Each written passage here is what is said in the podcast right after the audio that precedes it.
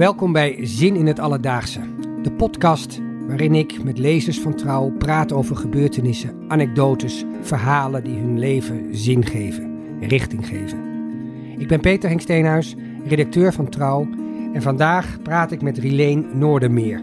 Zij kreeg te maken met datingfraude, maar het kostte haar de zin van het leven, want het was veel erger dan alleen het kwijtraken van geld en schulden maken.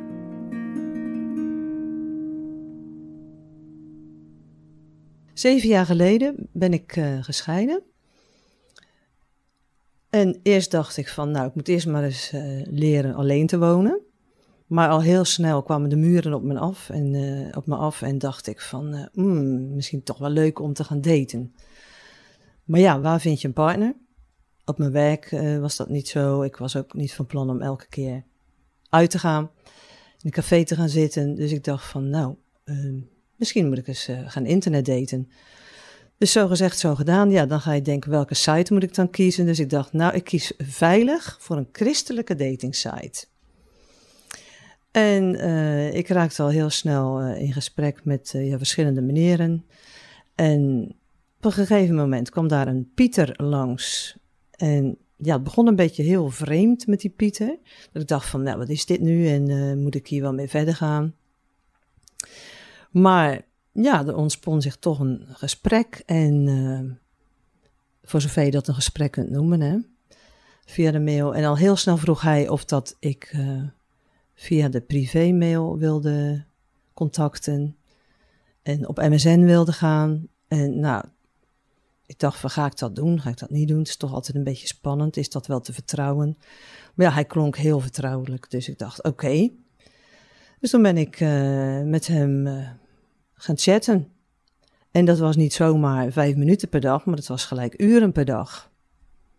En uh, ja, dan heb je het idee dat je echt een band aan het creëren bent.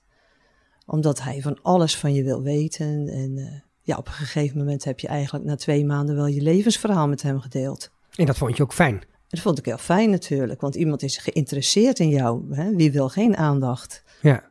Dus dat was heel mooi. En uh, ja, toen, uh, na twee maanden ging hij geld vragen. Oké, okay, hoe ging dat? Nou, eerst uh, weer heel gezellig uh, met elkaar praten en vragen hoe het met me ging en met mijn werk en noem maar op. En op een gegeven moment zei hij, ja, ik, ik wil wel naar je toe komen, want daar ging het natuurlijk om, want hij zat in het buitenland. Waarom zat hij in het buitenland? Ja, hij was goudhandelaar, dat vond ik ook wel een beetje bedenkelijk, maar ja, die zijn er toch ook, dacht ik. Dus uh, en waar zat hij? was goudhandelaar en hij zat in Maleisië. En uh, ik had eerst al gezegd van, joh, zal ik niet naar je toe komen? Ik dacht van, nou, leuke reis naar Maleisië en dan uh, zie ik hem daar. Nee, nee, dat had hij toch liever niet. En nee, hij kwam wel naar Nederland. Nou, uiteindelijk zou hij dan komen, maar vlak daarvoor was het ineens van, ja, ja, ik vind het heel moeilijk, maar ja, ik schaam me wel een beetje, maar eigenlijk heb ik op dit moment geen geld voor mijn ticket. Zou jij dat voor kunnen schieten? Want ik heb geld genoeg, maar ik kan er nu even niet aankomen. Dus uh, ja, eerst dacht ik van dat doe ik niet. Ik ga, ik ga niet een vreemde geld geven. Maar ja, aan de andere kant, zo vreemd was hij eigenlijk niet meer voor mij, hè? Want hij had zijn levensverhaal af. Nou, hij had zijn levensverhaal niet verteld. Ik had alleen mijn levensverhaal verteld. Want hij vertelt eigenlijk heel weinig over zichzelf. Dus, uh, nou, ik had besloten geen geld te geven. Dus ik had hem gemaild van, uh, joh, ik uh, ga het niet doen. Dat, uh, ik zie er vanaf om geld te geven. Nou ja, toen vervolgens stuurde hij een mail die, die echt een heel erg beroep deed op mijn behulpzaamheid. En op mijn liefde voor hem. En zijn liefde voor mij. En ja, toen ben ik door de knieën gegaan, zou ik maar zeggen. Dus toen ben je naar een geldkantoor gegaan of hoe, hoe gaat zoiets in zijn werk? Nou, dan stuurt hij je naar een Western Union kantoor. Want hij weet precies waar die allemaal zijn natuurlijk. Dus, uh, en dan uh, kom je zo'n kantoor en dan zeg je ik wil geld overmaken naar Maleisië. En dan wordt er gevraagd, kent u die persoon waar u dat geld naar overmaakt? En dan zeg je ja natuurlijk. Want je hebt al zo lang met hem contact dat je denkt dat je hem kent. Dus uh, ja, en dan maak je het eerste bedrag over en dat is nog maar het begin. Want? Nou, omdat ik daarna nog meerdere keren geld heb overgemaakt. Dat zei een van mijn lotgenoten een keertje, dat vond ik wel een eye-opener van... Als je eenmaal gegeven hebt, blijf je geven, want je wilt het terug. En dat klinkt denk ik voor andere mensen heel gek. Maar hij blijft erop hameren, het is een lening. Want hij heeft geld genoeg. Dus je denkt, dit is een soort investering, maar die krijg ik wel terug. Want hij komt straks met die grote zak geld. En dan gaan wij een toekomst uh, hebben samen. Want dat was het beeld dat je had. Je zou... Dat is het beeld. Hij gaat doorlopend met jou een toekomstbeeld schetsen. Ja, en dat was ook het, het zinnige daaraan, toch? Of... Nou, daar, daar wil je wel voor gaan, ja. Dat was een nieuw doel. dat was een nieuw doel toen, hè? Voor jou. Zo van, ik dacht, oké, met hem ga ik een nieuwe toekomst beginnen, inderdaad. Ik ga met hem uh, dan ook uh, rondreizen. Hè? In die goudhandel kon ik wel uh, met hem meereizen. En ik zou bij hem gaan wonen. Dus je had een nieuwe liefde. Je had een nieuw levensdoel. Of een nieuwe toekomst. Ja. En daarin heb je geld gegeven en toen nog een keer? Ja, aardig wat keertjes, ja. Hoe vaak? ik denk een stuk of vijf keer of zo. En ging het dan om en, grote uh, bedragen of kleine bedragen? Nou, ik heb, zoals, zoals in het artikel staat, tienduizenden euro's weggegeven. Ja, en ik noem het bedrag niet, maar het was veel. Hoe kom je erbij dat je vijf keer zoiets gaat overmaken? Nou, dat is een goede vraag, want dat heb ik mezelf natuurlijk ook achteraf afgevraagd. Maar, kijk, je bent eigenlijk slachtoffer van een misdrijf. Je bent verliefd gemaakt, bewust. En je weet, als je verliefd bent, ben je niet altijd zo realistisch. En dat is precies de tactiek die zij toepassen. Zij weten hoe ze je verliefd moeten maken. En in die verliefde toestand ben je niet reëel meer en ga je uh, denken dat dit sprookje echt is. En dan ga je geld overmaken. Dus je bent echt slachtoffer van een misdrijf. Dus hier zitten tactieken achter. Er zitten bewuste tactieken achter om jou verliefd te maken en om jouw geld af te persen. Geld afhandig te maken. Dus dat is ook de verklaring voor jezelf. Ja. Um, dat je dit gedaan hebt. Ja, je wordt op een gegeven moment ook onder druk gezet. En dan tegen dat je geld moet gaan overmaken. Dan word je echt helemaal gepusht. En dan, dan ga, ben je al naar het geldkantoor geweest. En dan uh, later weer bellen. Ben je er al? Uh, heb je het al overgemaakt? en, en dat is een heel vreselijke stresstoestand is dat elke keer. Dat hoor ik ook van lotgenoten bij de interviews. Het is, en ik snap dat mensen die dit niet hebben meegemaakt zeggen van hoe kun je nu geld geven aan een vreemde? Maar voor jou is het geen vreemde meer. Dat is het punt, want ze gaan nooit dag één geld aan je vragen. Altijd pas nadat jij heel erg verliefd bent. En dat je al lang met hem een toekomstbeeld hebt geschapen. En dat je al lang soms bent aangezet om een koophuis uit te gaan zoeken voor jullie samen. heb ik ook van iemand vernomen. Dus jij denkt al van, nou, dit, wij gaan gewoon samen verder. En je verwacht helemaal niet dat daar iemand anders, uh, hè, dat je bewust misleid bent. Dat verwacht je niet. Ja. En wat gebeurde er toen? Nou, elke keer als het niet lukt om te komen, want daar geef je eigenlijk geld voor, want je wilt dat hij komt. Mm um, elke keer moet hij dus weer een nieuw scenario verzinnen om, waar jij in kan trappen. Mm -hmm. En in het begin klonk het voor mij nog wel geloofwaardig. Maar op een gegeven moment werd het wel zo ongeloofwaardig dat ik dacht van, nou, dit kan gewoon niet waar zijn. Kun je daar een voorbeeld van geven? Of nou, dat... ik, ik zou het niet meer precies weten, want het is natuurlijk al zeven jaar geleden bij mij.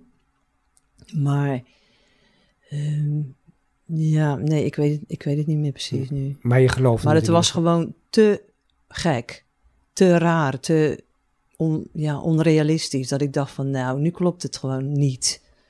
Dus toen ben ik met hulp van een vriendin gaan uitzoeken of dat die wel echt bestond. Had ik natuurlijk veel eerder moeten doen. Mm -hmm. Maar ja, ik had wel iets gecheckt. Maar zijn adres bijvoorbeeld, en dat klopte. Maar uh, nee. Toen uh, kwamen we er heel snel achter dat hij dus daar niet woonde. En uh, ja, toen moest ik er gewoon wel aan geloven. Dat het niet waar was. Maar dat is heel moeilijk om te accepteren. Want je hebt dat sprookje voor jezelf zo uh, mooi ingevuld, zal ik maar zeggen. Dus dan, ja, dan stort je helemaal in. Want dat gebeurde er? Ja, ik stort helemaal in. Ja. Lijfelijk of uh, Ja, ik was psychisch? totaal kapot, heel veel gehuild. ik ben wel naar de politie gegaan en aangifte gedaan. En die politieagenten die zei ook van, nou, je moet gewoon direct stoppen met het contact. Maar dat was voor mij moeilijk, want ik wil altijd alles begrijpen. Dus toen dacht ik van, ja, oké, één ding weet ik zeker, ik geef geen cent meer. Maar ik wil gewoon weten, wat is dat voor iemand die zoiets kan doen? Hè, en, dus, uh, dus ik heb nog twee maanden contact gehouden met hem. Inderdaad, helemaal niets meer gegeven, maar wel gedaan alsof ik wat zou gaan geven. En uh, geprobeerd erachter te komen wat voor iemand dat was, maar dat lukt niet, want hij gaat niets vertellen waardoor hij traceerbaar is. Hij, ik zeg wel hij, maar het kan ook een zij zijn, het kan ook een hele groep mensen zijn. Hoezo? Ja, het zijn vaak uh, groepen die uh, samenwerken om mensen op te lichten. Maar je hebt hem toch persoonlijk ontmoet? Of tenminste nee, via, nee, niet, niet, niet, niet lijfelijk, maar nee. uh, via de telefoon, via MSN? Ja, maar telefoon een paar keer. Maar uh, kijk, je kan via internet niet zien wie achter, aan de andere kant van die uh, internetverbinding zit. Nee, en je kunt ook geen stem herkennen. Of... Nee, dat was toen uh, zonder stem. Oh, was dat zonder was alleen met tekst. Ja, ja, precies. Ik snap het ja. nu. Ja. ja. Dus, uh, nee, en als je dan gaat kijken op YouTube, zie je allemaal filmpjes van, uh, van die groepen. Zoals in Ghana zijn ze bijvoorbeeld actief ook. Ja. En in Maleisië ook. Ik neem aan dat, omdat het geld naar Maleisië moest, dat hij of zij daar ook vandaan kwamen. Ja. En toen ben je helemaal in elkaar gestort. Ja. En hoe is het toen verder gegaan? Nou, toen heb ik mezelf maar een therapie opgelegd van uh, bewegen, lachen, bidden, mediteren, naar de kerk gaan, uitgaan, uh, leuke dingen doen. Um, wat vergeet ik nog? Ik zou Ramse weten. Shaffi, bid, lach, huil. Inderdaad, ja. Ja, want het is echt een gevecht om weer, uh, ja. Enigszins zin ergens in te krijgen. Ja. Hoe lang heeft dat Ja. geduurd? Hmm, even kijken. Nou, ik, was, ik had hem aan het lijntje gehouden tot december. Toen ben ik met mijn broer en zijn gezin op wintersport gegaan. Toen dacht ik, nou, ik ga voorlopig niet daten. Maar ja, toen zat ik een paar maandjes alleen. Toen dacht ik, nou, ik vind het toch wel leuk om te gaan daten. Ik ben onverbeterlijk. Dus uh, toen ben ik uh, dit keer op een spirituele datingsite gegaan. En toen heb ik uh, een nieuwe partner ontmoet.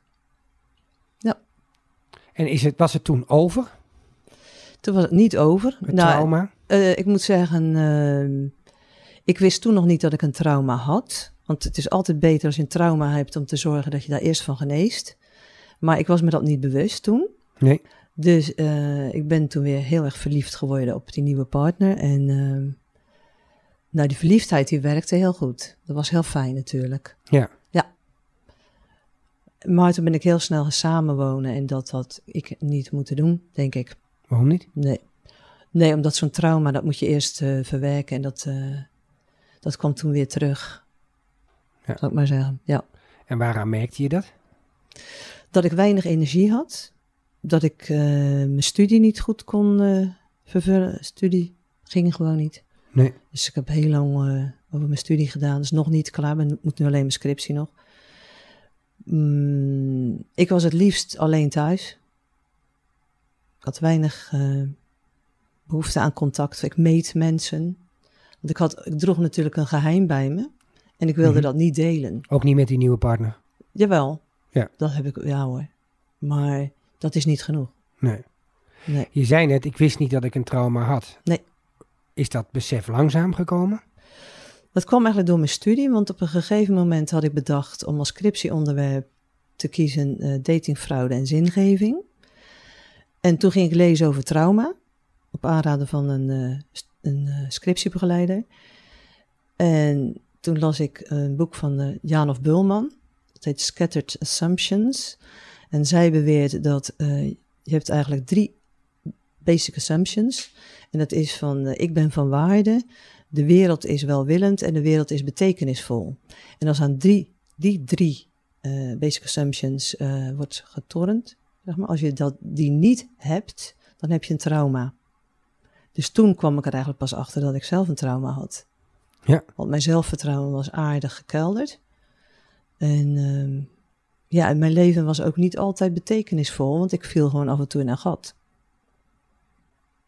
Dus toen wist ik in elk geval dat ik een trauma eh, had en dat ik, toen kon ik er wat aan gaan doen. En wat ben je toen gaan doen? Nou ben ik eh, in traumatherapie gegaan en ik ben ook bij Slachtoffer op Nederland in een lotgenotengroep gegaan. En dat heeft ook enorm goed gedaan, want dan spreek je lotgenoten en dan kijk je eigenlijk in de spiegel van je eigen leed, zoals ik ook uh, in het artikel heb gezegd. Dat is enorm helend. Allebei. Ja. Want als je nu terugkijkt, hè, wat is nou eigenlijk het, het ergste eraan? Is dat het geld kwijtraken? Voor mij is het trauma erger dan het geld kwijtgeraakt zijn. En wat zou dan, als je dat trauma in twee zinnen zou moeten omschrijven, wat is dan precies het trauma? Het trauma is uh, nu nog wel dat ik uh, ja, niet meer helemaal onbezorgd in het leven sta, zeg maar. Hè. Er zit een rafelrandje aan. Ja. En dat rafelrandje is dat je mensen niet kunt vertrouwen? Mm, dat zou, ja, ik wil wel graag iedereen vertrouwen. Mm -hmm. maar, en dat lukt mij ook nog redelijk. Maar uh, mijn zelfvertrouwen heeft het meest uh, een deuk gekregen. Ja. Omdat je niet weet hoe jij in welke situatie op jezelf reageert? Of? Nou, je zou kunnen zeggen, ik ben heel erg gechallenged en um, door die situatie. Wat bedoel je daarmee? Om, en daarmee bedoel ik van, kijk, voor mij was het leven altijd leuk en makkelijk en uh, zinvol. En dan zie je dat er mensen zijn die misbruik van jou maken. Heel makkelijk, ook al ben je een goed mens. Want ik durf van mezelf te zeggen dat ik een goed mens ben. En met mij mijn lotgenoten. We zijn eigenlijk allemaal heel leuke, enthousiaste, spontane, extraverte types. Die graag anderen willen helpen. En daar word je eigenlijk voor afgestraft. Voor je zijn, voor hoe je bent. Ja. En dat is heel zwaar. Ja. Om dan weer helemaal weer je zelfvertrouwen terug te krijgen. En, uh, ja. En je bent nu ja. met die scriptie zin aan het geven aan, deze, aan dit trauma, aan deze gebeurtenis. Zeker, ja. Ik ben ook een boek aan het schrijven. En dat uh, geeft zeker zin, ja. En lukt het ook al om anderen te helpen? Ik ben uh, mensen wel aan het begeleiden die uh, mij benaderen. Ja. Maar om nou te zeggen dat ik echt als geestelijk verzorger al aan het werk ben, nog niet. Het is meer het zijn gewoon contacten. Ja. ja. Uh, jouw verhaal is, is bijzonder. Wordt dat vaak, of ik heb het eigenlijk nog niet zo vaak gehoord. Zijn Hm. mensen daar bang voor om dat te delen? Mensen zijn heel bang, want al diegenen die ik gesproken heb, die uh, heel vaak um, zeggen ze van, ik vertel het alleen jou. Mensen die ik bijvoorbeeld geïnterviewd heb voor mijn scriptie. Um, sommigen die willen op het laatste moment niet eens meer geïnterviewd worden door mij, als ik al een afspraak met ze heb. Want dan zeggen ze van, uh, ik stop het weg, ik wil er niks meer van weten. Ik uh, wil het helemaal achter me laten. Dat begrijp ik wel. Ja, dat snap ik ook. Want het is heel schaamtevol. En uh, ja, je wilt er eigenlijk niet aan herinnerd worden. Dus willen ze een nieuw leven beginnen. En dit, ja, ja. vergeten. En dat deed jij aanvankelijk ook, maar dat werkte niet. Nee, ik heb gemerkt dat uh, het trauma wegstoppen niet helpt. Want er is ook nog iets anders met trauma aan de hand. Een trauma werkt cumulatief. Dat betekent, een trauma triggert eerdere trauma's in je leven. Dus je krijgt oude pijn weer terug. Dus het is verstandiger om daar wat mee te gaan doen. Want anders is de kans op herhaling heel groot. Op heransenering heet dat. Dus dan zou je weer een verkeerde partnerkeuze maken. En dat heb ik ook al een paar keer gehoord van lotgenoten, dat dat gebeurd is. Dat ze iemand kiezen die, waar ze ook weer heel veel aan gaan geven. Het zij materieel, het zij immaterieel. En vervolgens ook weer met lege handen komen te staan. Dus je moet het bij wijze van spreken echt opnieuw verwerken. Om iets nieuws op een andere manier te kunnen aanvangen. Dat zou ik wel aanraden. Dat blijkt ook uit jouw gesprekken met de lotgenoten. Ja. Eerst een eigen leven opbouwen en weer zorgen dat je weer sterker in je schoenen staat. Ja. Ja. Heb jij het nu achter je gelaten? Ik heb die oplichting van toen achter me gelaten, maar ik ben zelf ook gaan heranseneren, dus ik ben er nog niet helemaal klaar mee. Nee. Nee. En het is Nee. nu zeven jaar geleden. Ja, kan je nagaan. Is dat bij jouw Ja. lotgenoten ook ongeveer? Er zijn erbij, tijd? eh, ja, het, het kan heel lang duren, maar dat is voor iedereen verschillend, want iedereen gaat verschillend om met trauma. Dus, eh, en voor sommigen zal het ni- niet eens een trauma zijn. Dat kan ook. Kijk, die mensen spreek ik niet, maar ik heb wel een keer op internet iets gelezen van een eh, jonge vrouw, die had ook een keer een klein bedrag gegeven en die had toen gelijk gezegd van nou, eh, dit ga ik niet meer doen. Ik ben niet klaar mee. En die heeft er verder niet veel last van gehad. Kijk, het is natuurlijk ook als het allemaal heel lang duurt. Met een heransenering, bijvoorbeeld een nieuwe relatie die niet echt goed voor je is. Als dat ook weer een aantal jaren duurt. Dan, ja, wordt je trauma alleen maar dieper, zou ik Ja. zeggen. Ja. Ja. En jouw scriptie is bijna af? Nou, nee. Niet. nee. Wat wordt de boodschap ervan? Dat weet ik niet. eh, want eh, het gaat erom hoe zijn mensen omgegaan met die ervaring. Ja. Hè? Dat is de zingevende Ik wil, ervan. ik wil weten eh, hoe ze zin hebben gegeven na deze gebeurtenis aan hun leven. Ja. En in hoeverre dat gelukt is. Dus welke copingstrategieën daarvoor eh, gehanteerd zijn. Ja. Maar ik heb nu een paar keer mensen geïnterviewd die nog maar het nog niet zo lang achter zich hebben gelaten. Dus ik zou eigenlijk liever mensen spreken die de datingfraude ervaring al wat langer achter zich hebben gelaten. Een aantal jaren minstens. En hoe zij daarmee daarna verder zijn gegaan met hun leven. Stel dat mensen hier nu naar luisteren, kunnen ze jou dan ook bereiken? Ja, dan kunnen ze mij bereiken via mijn website. Dan kunnen ze een contactformulier invullen. Dat is www.leven-na-datingfraude.nl Fijn, dankjewel. Ik hoop dat het je verder goed gaat. En ik ben heel benieuwd naar die zingevende slot. Graag gedaan. Dank je. Dankjewel voor het luisteren naar de podcast Zin in het Alledaagse. Tot de volgende keer.